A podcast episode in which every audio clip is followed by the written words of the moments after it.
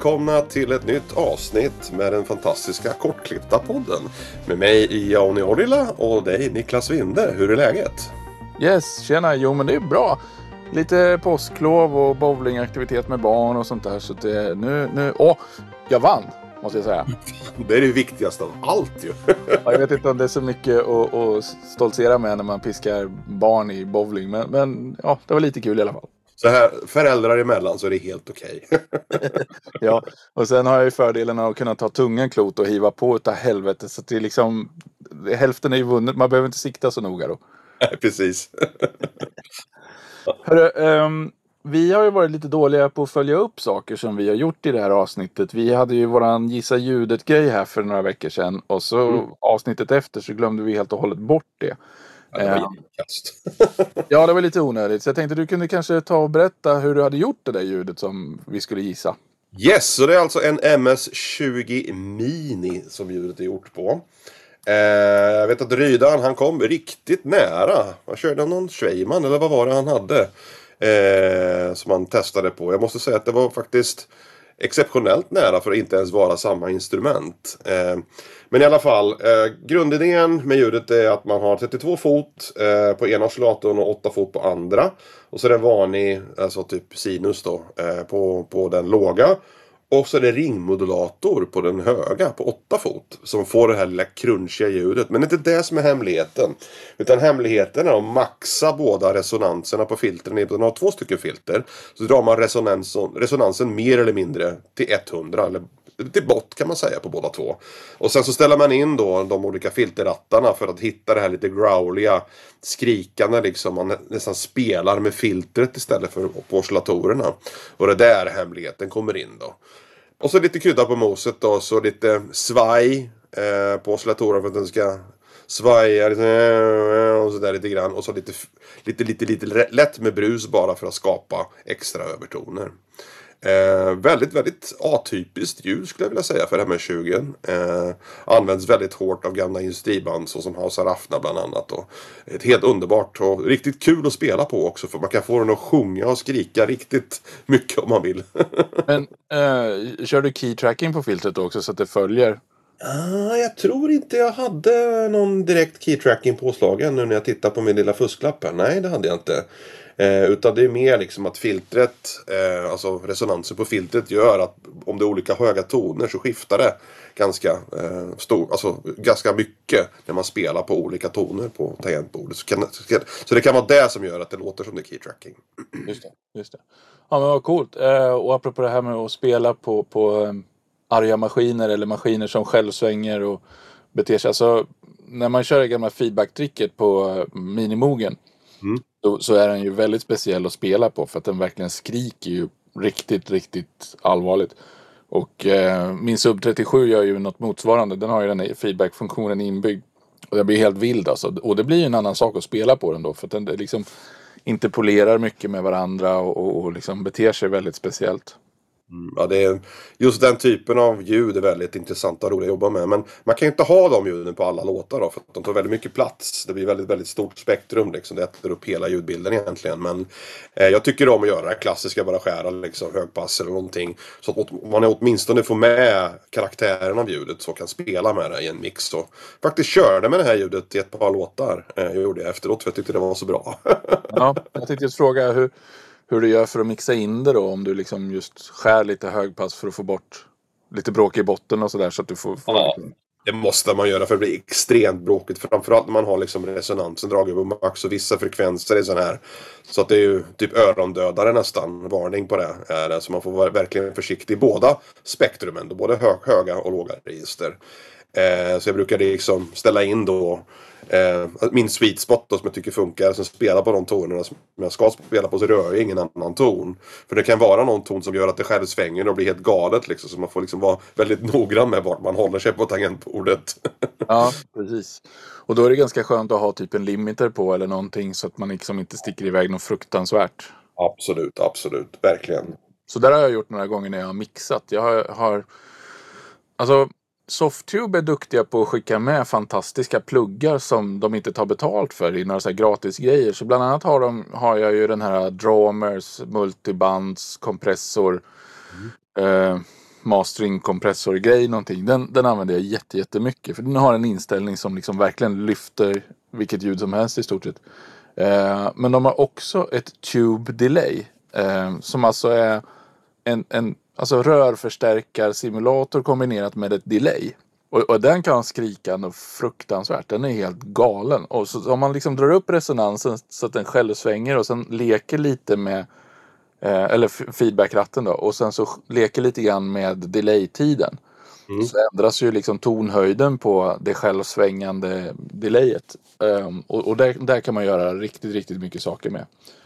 Men när man automatiserar det i DAVen så är det ju skönt att ha en, en limiter på slutet så att det inte sticker iväg något fruktansvärt. Och sen eh, eh, har jag upptäckt att det är ganska jobbigt att när man liksom har gjort en sån alltså, styrning av självsvängningen i ett delay och sen så stoppar man uppspelningen mitt i det så brukar det bara fortsätta att självsvänga eftersom det liksom är öppet. Um, så då har jag ställt min DAV på att när man startar igen så, så startar den från en startpunkt liksom som man har valt. Mm.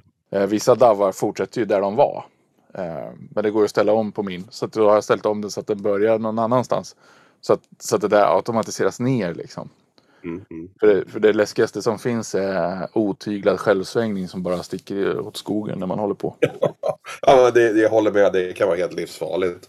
Alltså en, ett tips också till er som gillar Dark Ambient. Eh, jag använder ju mycket den här typen av karaktärer av ljud. Väldigt skrikiga och alltså distorsionsrika ljud. Och sen spela in dem med stora reverb och har mycket wet och väldigt lite dry signal. Och sen så pitchar jag ner det typ en eller två oktaver för att bygga sådana här ambient drönarmattor. I och med att det är så, det är så mycket information, så mycket överton, mycket rik information i de här ljuden så blir det väldigt intressant när man pitchar ner dem. Eh, så det kan vara ett litet tips om ni tycker om att göra dödsambient. när du spelar in dem då, spelar du in på extra hög samplingsfrekvens för att kunna göra det där? Yes, brukar dubbla. Brukar dubbla. Ja. ja, det där är lite kul då för att han som gör Hanging Out with Audiofiles, Jamie Liddell, han, han har ju intervjuavsnitt då, men sen så har han ju en litet för, för avsnitt i avsnittet som man kallar för The Nitty Gritty där han har något ljudexempel med någon grej han har gjort. Och han, han eh, hade ju köpt en mikrofon som kunde spela in i 192 kHz eller vad det var. Eh, någon typ av USB-mikrofon. Och så, så spelade han ju in olika saker och så pitchade han ner det fyra, fem oktaver. Och det var ascoolt. Han, han bara tog liksom så här papper och, och knycklade lite med. Och så spelade han upp det så här, ja, en fjärdedel så fort. Eh, och det vart hur coolt som helst. Läsa vulkanutbrott och grejer. och så tog han in sin grabb, eh, typ en femåring som sa så här eh, dinosaurieljud. Så här, rau, rau. Och så, så spelade han in det och det lät verkligen som riktiga dinosaurier. Det lät så här skitfränt. Ja, alltså nerpitchning det är, ju, det är ju bland det bästa som finns just när det gäller drömlandskap. Så att, det är, det är kul att du säger det där för att de, de minst, eh, alltså du vet, de, de snällaste ljuden eh, kan bli de elakaste ljuden. Tänk då om ni tar ett elakt ljud och pitchar ner det. Då blir det mm. riktigt avgrundselakt kan jag säga. Ja. Det, mitt, mitt lilla dödstips där. dödstips för dödsambient. Ja men vad bra, då fick vi en liten nitty gritty också. Ja. um, jag skulle vilja ta upp en annan sak. Vi, jag är ju ett stort fan av, av, av um, merch. Alltså t-shirtar, klistermärken och olika sådana här saker. Jag, tycker, jag, jag försöker köpa det av band när, eh, när jag får möjlighet. Och eh, nu har jag haft turen att faktiskt få mig tilldelat ett par t-shirtar på sistone. Bland annat av eh, Hattif, ett väldigt trevligt band. Ehm, och Code 64 som jag hade besök av tidigare i veckan. Men Hattif skulle jag vilja prata lite mer om för att det, dels tycker jag de är jävligt duktiga. Och dels så, så var de ju nominerade till, eh, vad var det, årets release. Um, årets release ja, precis ja, som, ja. Um, som Nervous Damage. Precis, som Nervous Damage fick. Och, och jag tycker det är lite, alltså det är ju en inbyggd brist hos priser att bara en kan få dem. Och, och mellan Hattif och Nervous Damage så är, är ju skillnaden hårfin i, i kvalitet och verkshöjd skulle jag säga. De är ju väldigt värdiga vinnare båda två. Och Hattif har jag försökt få med i min intervju eh, systerpodd till det här då, ett par gånger och de har varit lite tveksamma så vi får se om de eh, nappar på, eh, på betet så småningom. Eh, men jag fick höra ett par nya låtar från dem Mm. till nästa skiva. Och jag kan säga att eh, de tar ljudet lite längre och eh, om ni gillade förra släppet så kommer ni gilla nästa. Riktigt, riktigt bra grejer. Spännande, ser verkligen fram emot att höra det. Ja, ja, de är otroligt duktiga och jag gillar ju deras lite så här. Dels gillar jag ju sången som är lite egen och sen så gillar jag ju de här lite orientaliska tonerna. Men, men också, alltså de har en stark förankring i, i synten skulle jag säga. Även om de inte riktigt går med på det själva. Så, så tycker jag faktiskt att man hör väldigt mycket synt. Och även i de nya nu fanns det starka, starka influenser från det här. Det tyckte jag om. Sen eh, eh hade jag besök av Code 64, i alla fall ena halvan. Han var här i Västerås på en kurs för sitt jobb. Och så passade han på att titta in på lite studiohäng. Det tyckte jag var väldigt trevligt. Jag tycker det är kul det här med eh, Synt-Sverige när man börjar lära känna folk och, och eh, liksom det sprider sig och man, man får möjlighet att träffa dem så här. Det tycker jag är riktigt, riktigt trevligt. Ja, det är det absolut roligaste som finns att träffa folk. Och det är någonting som jag själv ser fram emot mycket. Börjar boka lite konserter till höger och till vänster. Ska faktiskt gå och se Elegant Machinery i, i april nu på Charles Dickens i Helsingborg. Det ska bli riktigt kul. Sådana där små grejer och träffa gamla vänner och träffa nya vänner och lära, lära känna nytt folk liksom. Så det, det är extremt kul och det är som du säger, vi är ett väldigt litet community i Sverige. Som måste ta hand om varandra och liksom lära känna varandra bättre och supporta varandra och hjälpa varandra liksom. Ja, precis. Ja, och du var ju på Nils Fram här va? Ja, jag var med Nils Fram. Ja, det var helt fantastiskt. Nu är inte vi polare, jag och han då, riktigt på den nivån. Men alltså det var en fantastiskt kul spelning måste jag säga. Alltså, jag har verkligen sett fram emot att se honom. Eh, jag lyckats missa två gånger, men nu tredje gången gillt tänkte jag nu måste jag passa på att verkligen ta, ta mig själv i kragen och gå dit. Och det är en fantastisk konsert, helt drömlik.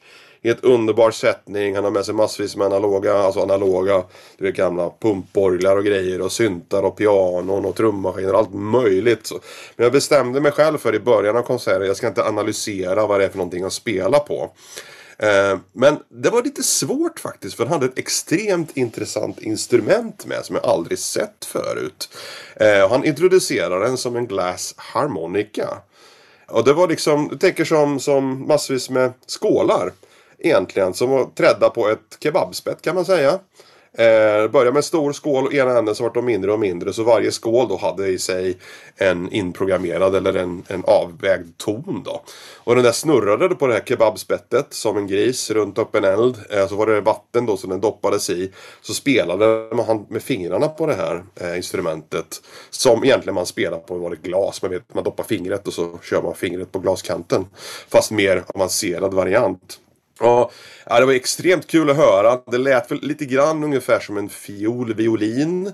Men ändå ett ljud som var väldigt, väldigt, väldigt svårt att identifiera. För att jag tror inte jag hört det här instrumentet någonsin på en inspelning förut. Så jag var tvungen att läsa på lite grann om det här. Alltså, Eh, det som är lite kul med, med glassharmonikan är att det spekulerades vilt i när det här instrumentet fanns på 1700-1800-talet. Att, att det hade en konstig effekt på de som spelar på det.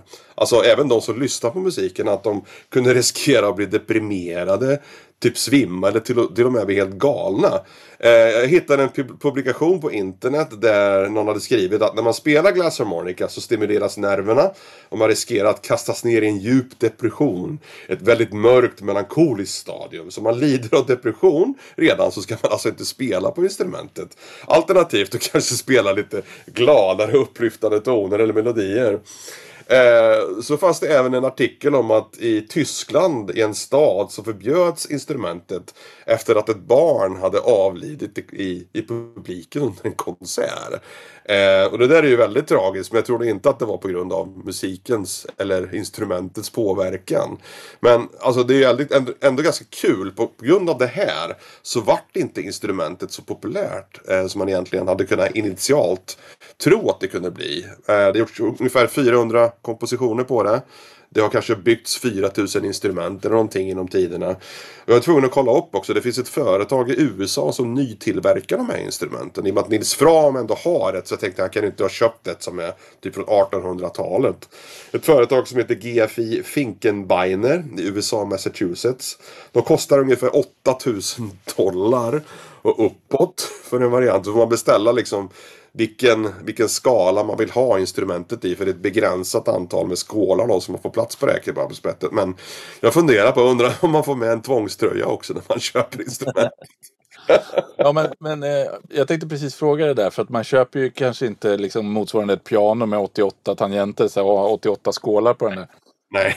Nej. Och det är nog ganska stor storleksskillnad mellan den minsta och den största i så fall. Men, men, eh, så att man köper väl någon skala med någon oktav eller två liksom. Ja, precis, precis. Man kunde man förut bestämma då typ eh, de här skalorna finns tillgängliga. Så, man, så beroende på såklart ju större glas man har, ju större, ju fler glas desto dyrare blir det. Jag tror att 8000 var nog en väldigt, väldigt eh, liten maskin tror jag. ja, sen vill man ju inte ha något egen ljud i den. Alltså, det måste ju ha en motor som snurrar runt den där och den får ju inte låta så mycket så att det hamnar på inspelningar. Mycket fin mekanik. Alltså jag förväntade mig att jag skulle höra någon motor som snurrar. Men antingen så har de mickat det väldigt bra. Eh, eller så var det väldigt bra isolerat. Men jag hörde bara tonerna. Det var väldigt... Alltså publiken var extremt lojal och duktig på det sättet. De var tysta när det inte spelades något då, mellan tonerna. Eh, så man hörde ju verkligen, han började spela, det var extremt, extremt tyst. Nästan som det inte var mickat ljudet. Tills att han byggde upp då. Eh, med, antagligen med, med hårdare anslag. Alltså mer friktion. Han hade någon form av handskar på sig hade han också för att den inte skulle slitas under fingrarna tror jag. Men ju mer han tryckte desto högre vart liksom tonerna då. Så att eh, ja, det var väldigt mycket dynamik i det också. Eh, det hade jag inte alls förväntat mig. Skitcoolt och så gnistrade och glänste det fint också med all belysning som var. Så att det drog verkligen ögonen till sig. jag kan tänka mig att ett sånt här instrument, alltså det är nog lite pyssligt att stämma det. Så att det kan nog bland annat vara därför det kostar så mycket. Att glaset är specialblåst och specialtillverkat och kanske och det måste liksom filas för att svänga i precis rätt ton och sådana där saker. Absolut. Ponera om ett av de, en av de där skålarna pajar liksom. Du vet. Ja, det är inte som att byta sträng på en gitarr liksom. Det blir lite mer strul än så. Nej men vad, vad kul då. Så, men Nils Fram, jag har hört mer om honom. Jag, jag, Martin Jarl som jag pratar med ibland, han, han berättade att han var på någon konsert där eh, Nils Frans spelade in lite av publiken i, i, om, i eh, jag vill, jag vill påstå att det var hans band Eko, men jag kan ju minnas fel att han hade band Eko till något annat också. Men, men att han spelade in lite av publikljuden och så var det en del av konserten han spelade upp det igen tillbaka mot publiken. Och så där. Yes. Han körde exakt samma grej den här rundan. Gjorde han. Eh, jag tror det var ett bandeko. Men jag lovade mig faktiskt inte analysera allt för mycket. Så jag kollade inte för noga vad det var. Men det var väldigt tydligt när det spelades in. Så, så pitchade han då upp eller ner. Jag tror det var ner han pitchade. Så vart det en del av själva trudelutten. Och, Alltså Niklas Framan är ju en exceptionell performer också. Han springer omkring på scenen som en skottspoling med alla instrumenten och byter liksom. Så, eh, ja, det var både det var både kul att titta på och lyssna på faktiskt. Men jag försökte blunda mest och lyssna på musiken. Så det var där jag befann mig i hans lilla värld. ja. mm. Fan vad kul. Eh, jag hörde att han hade varit, jag tror att det var Lamour podcast som hade varit och tittat på honom i Uppsala också nyligen. Då hade han fördröjt starten av konserten lite grann därför att tåget från Stockholm var försenat. Så att han, han, eh, ja, så att han verkade liksom vänta in lite folk som skulle gå på konserten. Det tyckte jag var ganska fint. Det är ju riktigt nice. Ja, det är sådana där grejer som man, man tycker, jag tycker det är kul med artister som verkligen upp, uppmärksammar sin publik och sina fans och gör det lilla extra. Ungefär som Robert Smith gör just nu med biljetterna och Ticketmaster. Verkligen tänker ett par steg extra liksom för att hjälpa ja, sina fans egentligen för att, att, få det de har betalat för. Jag tycker det är jättekul. Jättekul. Ja men det är fint. Det gillar vi. Mm. Mer då sen sist. Jag hade besök i helgen av ytterligare lite musiker. Eh, bland annat bandet Elect som jag känner sedan förr. Och Martin Halldén som jag har eh, eh, ja, hjälpt med ett album nu då eh, under förra året och han har lite nytt på gång. Eh, riktigt kul. All, vi hängde i min studio hela, hela dagen i lördags och spelade in sång, pratade musik och så vidare. Mycket trevligt. Ja, du har värsta, värsta fritidsgård, syntfritidsgården här hemma hos dig. ja men verkligen. Um, och den här synklamppinnen som vi hade du och jag när, vi, när du var här. Eh, den vart också populär och uppmärksammad. Jag tycker att den, den är bra.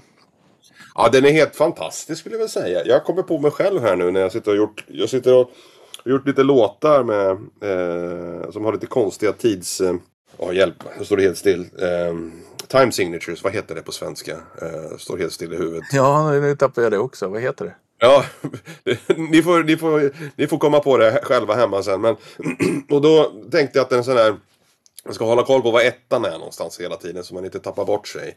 Så jag har liksom lurat mig själv och inte hitta ettan flera gånger när jag programmerat de här låtarna i min 707. Eh, så att jag tänkte, skulle vilja ha en sån här synklamppinne ändå liksom på plats då så man kan liksom titta på den och fuska lite grann. Så det jag fick göra istället, det jag fick lägga in en liten metronom i min DAV sen jag skulle lägga på sången.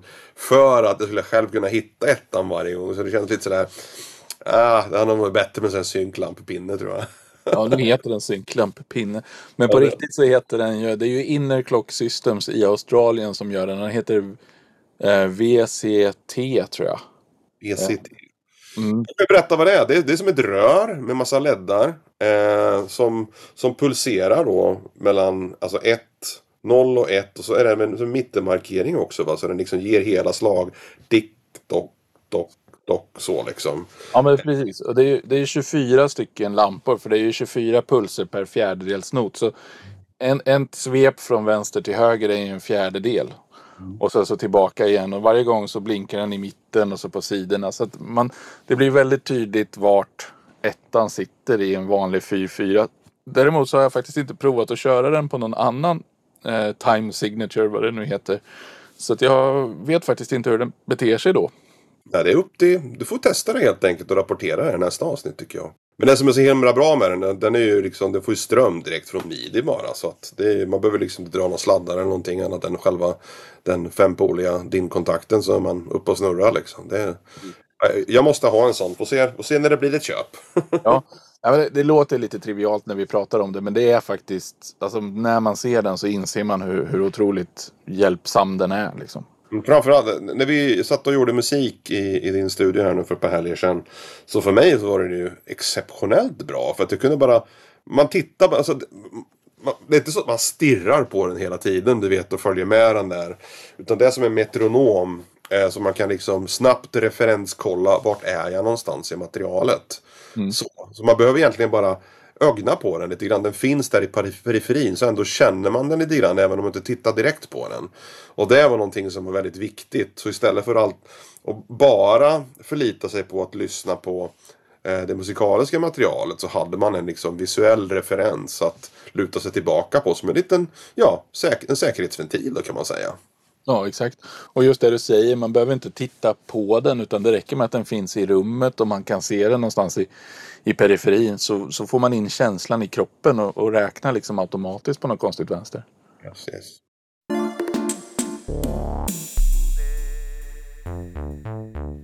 Ehm, det dök upp ett ganska intressant ämne på 99 musik här för ett tag sedan som jag tänkte eh, vi kunde ta upp du och jag och ge våra respektive syn på. Det var Tiger MM som frågade om hur långt avstånd folk har mellan sin studio och sitt hem. Och lite grann tankar kring hur man funkar kreativt och, och liksom hur man har lagt upp sitt liv lite grann. Hur, eh, jag tror att du har ju eh, bytt hem fler gånger än jag och etablerat studios fler gånger och på fler sätt. Så jag tror att du har lite bättre insikt där. Ja, för mig så jag kan väl säga att jag har bo, gjort både och. Eh, det vill säga att jag har haft en studio både hemma. Eh, i, ett, i ett dedikerat utrymme. Jag har haft studio som har drällt omkring i vardagsrummet i, i lägenheten. Så har jag även haft en ded, dedikerad studio som jag har gått till. Som jag så att säga inte bott i närheten av.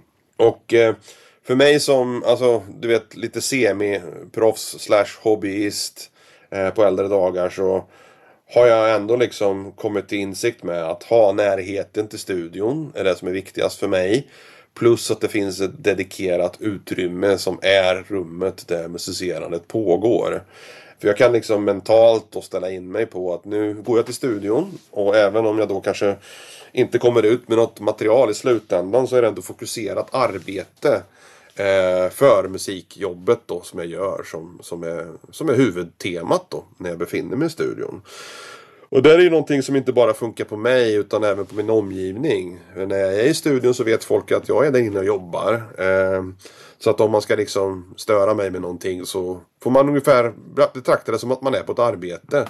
Typ 9 till 5 liksom. Och man gör ju inte vardagssysslor då när man sitter i studion och grejer. Så det får jag liksom fixa då innan jag går in i studion. Eller när jag är klar så att säga. Och då skapas liksom en rutin då. När det är dags för att göra musik, då går jag in i studion. Det är de här grejerna jag ska göra. Jag har ett schema, dutt, dutt, dutt, dutt, så betar jag av dem en och en. Så beroende på hur långt jag hinner eh, så får jag bara parkera och så fortsätta nästa dag. Då. Eh, och det har ju funkat bäst för mig när jag haft en studio i mitt hem. För att det är så enkelt att bara kliva in i studion och påbörja arbetet då. Och jag kan även bli inspirerad av att ha instrumenten nära mig. Men jag har även eh, vid andra tillfällen så har jag när jag jobbade mer seriöst och hade ett, ett företag så hade jag faktiskt en Studio B som jag hyrde in mig i Stockholm.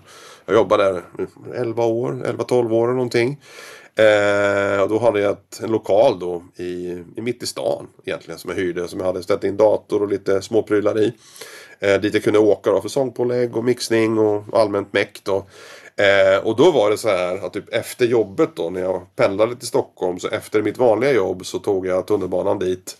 Eh, och sen så satt jag där på kvällarna och, och musicerade. Och sen åkte tillbaka till lägenheten som jag hade i Stockholm. Eh, ja, för att åka till jobbet dagen efter. Så jag har haft en kombination av båda två. Jag tror nog att Beror på vad man har för intentioner. Är man hobbyist så tror jag att ha grejerna hemma är bäst.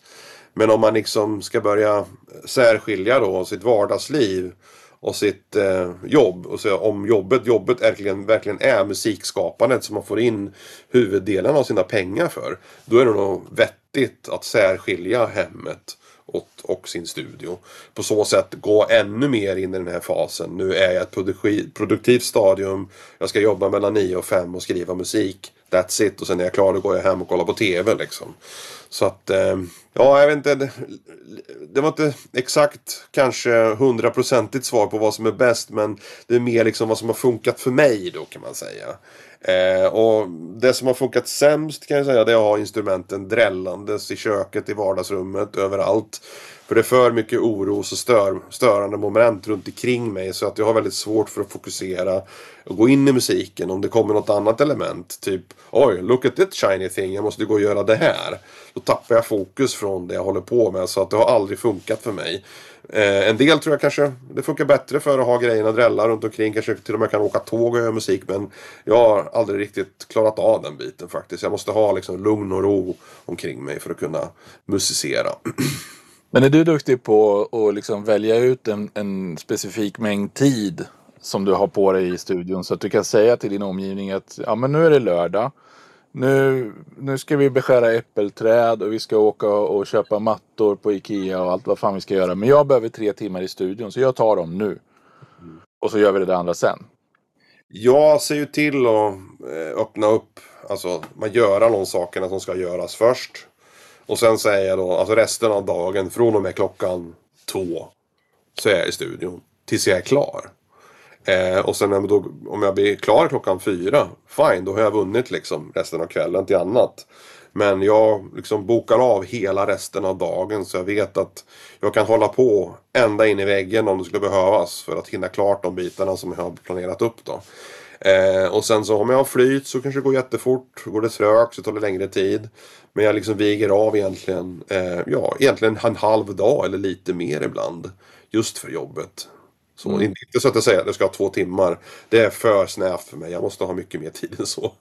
ja, okay. Och då ger du sällan upp, eller du ger inte upp förrän du känner att du är klar liksom? Nej, alltså känner jag att jag går in i väggen, jag blir trött och jag känner att jag har lyssnat på samma loop för länge. Då kan jag parkera och fortsätta imorgon istället med nya krafter. Eh, men då får jag liksom se till att jag har tid dagen efter också och fortsätta med det jag höll på med. Eh, för att jag tycker inte om att parkera för länge eh, mellan projekten så att jag måste liksom ta upp någonting som jag satt och jobbade med eh, igår exempelvis som jag gör Davles, som jag gör Burg till exempel.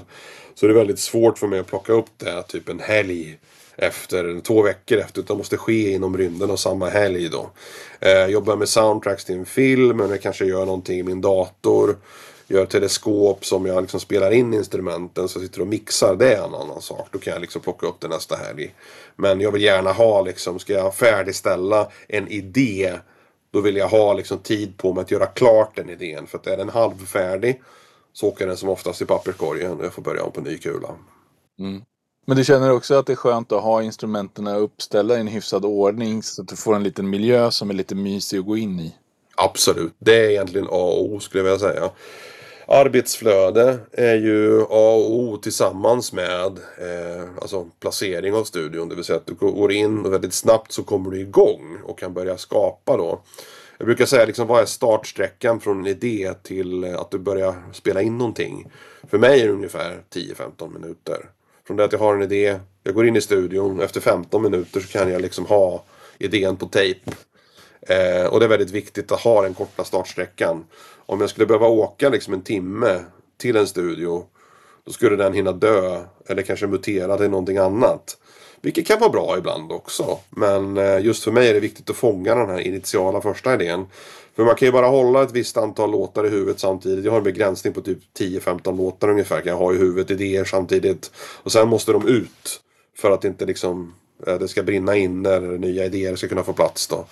Så, så att eh, det där är viktigt för mig. Och liksom få utlopp för musiken som hela, hela tiden ligger och kokar och brygger i huvudet när jag ligger och tänker, läser, kollar på film och så vidare. Men då, de här idéerna, alltså låtarna som du har i huvudet, då består de av saker du har kan det vara ett tema då eller är det en, en, liksom en trudelutt? Eller hur, hur, vad, hur gestaltar de sig i huvudet på dig så att säga?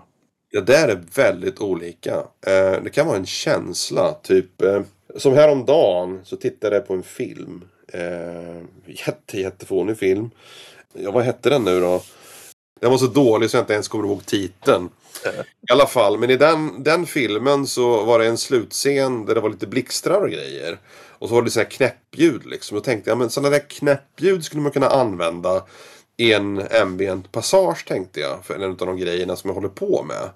Och så, så parkerade jag den idén i huvudet. Och sen så efter ett tag så skrev jag ner den i ett program som jag har för att spara ner idéerna. Och så kunde jag lämna, lägga den ifrån mig en liten stund. Men jag blir hela tiden sugen på att gå in i den idén och försöka återskapa den känslan jag hade när jag såg den filmen. Eh, eller så kan det vara en bok som jag läser, en passage i en bok, en, typ några textrader eller någonting som, som piffar upp ett intresse. Så vill jag bygga liksom ett ljudlandskap till den berättelsen. Och sen så skriver jag upp då, brukar oftast fota den, den passagen i, i boken, bara lägga upp i ett textdokument eller någonting. Och sen så återgår jag till den idén då när jag sitter i studion. Ja just det, så dyker känslan upp igen som jag hade när jag satt och läste boken. Och kan jag använda det som energi då eller ja, bensin för att liksom driva på eh, kreativiteten. Ja, men då funkar vi nog lite olika. För jag, jag har ju nästan aldrig en färdig idé när jag börjar med en låt. Utan jag har ju, jag har ju fått en stund över och så sätter jag mig med mina instrument och sen så ser jag vart jag tar vägen liksom. Eh, de gånger jag har gjort egen musik har det funkat så. De gånger som jag jobbar med andras musik så är det ju uteslutande att jag känner att jag behöver leverera någonting till en kund. Och så har jag en viss mängd tid på mig och så går jag bara och sätter mig och gör det helt enkelt. Eh, så för mig funkar det ju väldigt bra att ha studion hemma då i och med att jag jobbar hemma. Så jag, jag är ju liksom hemma hela dagarna och eh, har, har man liksom möjlighet så, så kanske jag svänger ner på lunchrasten i studion och fixar någonting till en kund. Eh, eller på eftermiddagen eller om jag får feeling så kanske jag sitter lite grann innan jobbet och, och eh, jobbar lite längre på kvällen istället och sådär. Så, så jag, för mig funkar det väldigt bra att ha studion hemma när jag har så mycket kunduppdrag så att säga. För att det är väldigt lätt att slinka in en timme och, och liksom fixa någon grej. Och, och, och liksom känna att jag tar mig vidare med den här mixen eller jag hann få undan den mastringen eller vad det nu kan vara.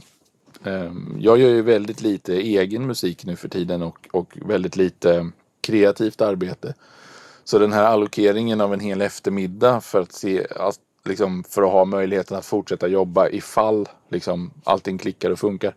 Det, det behovet har jag inte riktigt för, för det är liksom väldigt sällan jag jobbar så. Um, däremot så blir det ju de gånger jag sitter och gör egen musik och, och, och liksom har satt mig ner med instrumenten och det börjar rulla på och allting funkar. Då brukar jag ju liksom, som du säger, vilja försöka göra klart det inom en, två, tre dagar. För att det liksom, annars så tröttnar man för mycket på låten och tappar feelingen. Och, och då är det ju bra att ha de här alltså stunderna. Jag menar, jag sitter ofta och lyssnar på den låten jag håller på med medan jag jobbar. Och så är det ju väldigt lätt att liksom känna bara fan, den här hi-haten behöver flyttas eller jag skulle behöva göra någonting med det här breaket eller någonting sånt där. Så då kanske man öppnar daven och så fixar man det lite kvickt. Eller, eller så, så säger man så bara, ja, men jag äter jävligt fort så, så tar jag min lunchrast på mig och går ner i studion och fixar till den där grejen. Så, så, så, alltså, för mig är det en stor fördel att kunna ha liksom, studion hemma mm. och jobba lite kvickt sådär. Men sen min familjesituation är ju varannan vecka barn och särbo. Så att jag har ju liksom både kvällar när mina barn inte vill hänga med mig. Då har jag ingen sambo som kräver tid av mig eller något sånt där. Så då kan jag ju sitta ett par timmar när annan faller på. Eh, och sen så har jag ju varannan vecka. Det är ju inte alltid jag och min tjej träffas varenda dag och varenda tillfälle. Så då kan jag ju få en hel, en hel kväll helt fri. Och då blir det ju liksom, ja men då plockar man fram instrumenten och sitter och, och pysslar och grejer en stund och ser vad det kommer av det liksom. Ja, alltså, jag har ju jag tror att jag har, alltså vi, vi har nog ganska lika syn på, på musik, musicerandet ändå, mer än vad du tror. Alltså, jag har ju flera olika typer av, av um, musicerande, det vill säga den kreativa biten som du pratar om, man gör egen musik, man sätter sig ner och leker med instrumenten. Det är ju ett alltså tillvägagångssätt när man liksom låter instrumenten skapa idén åt dig. så att säga. Och där behöver jag ha ett visst spektrum av tid för att hinna göra klart den. Men så har du de här beställningsjobben som du pratar om.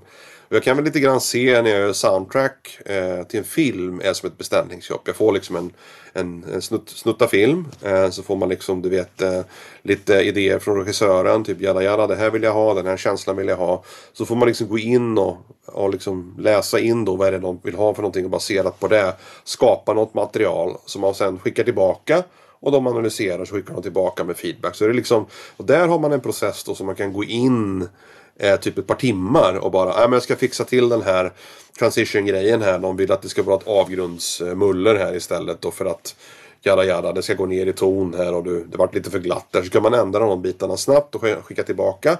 Och sen är man klar liksom. Så jag tror liksom att när du, när du gör den här mixgrejen, du mastrar så har du mer korta snuttar som du kan gå in och liksom göra beställningsbitar.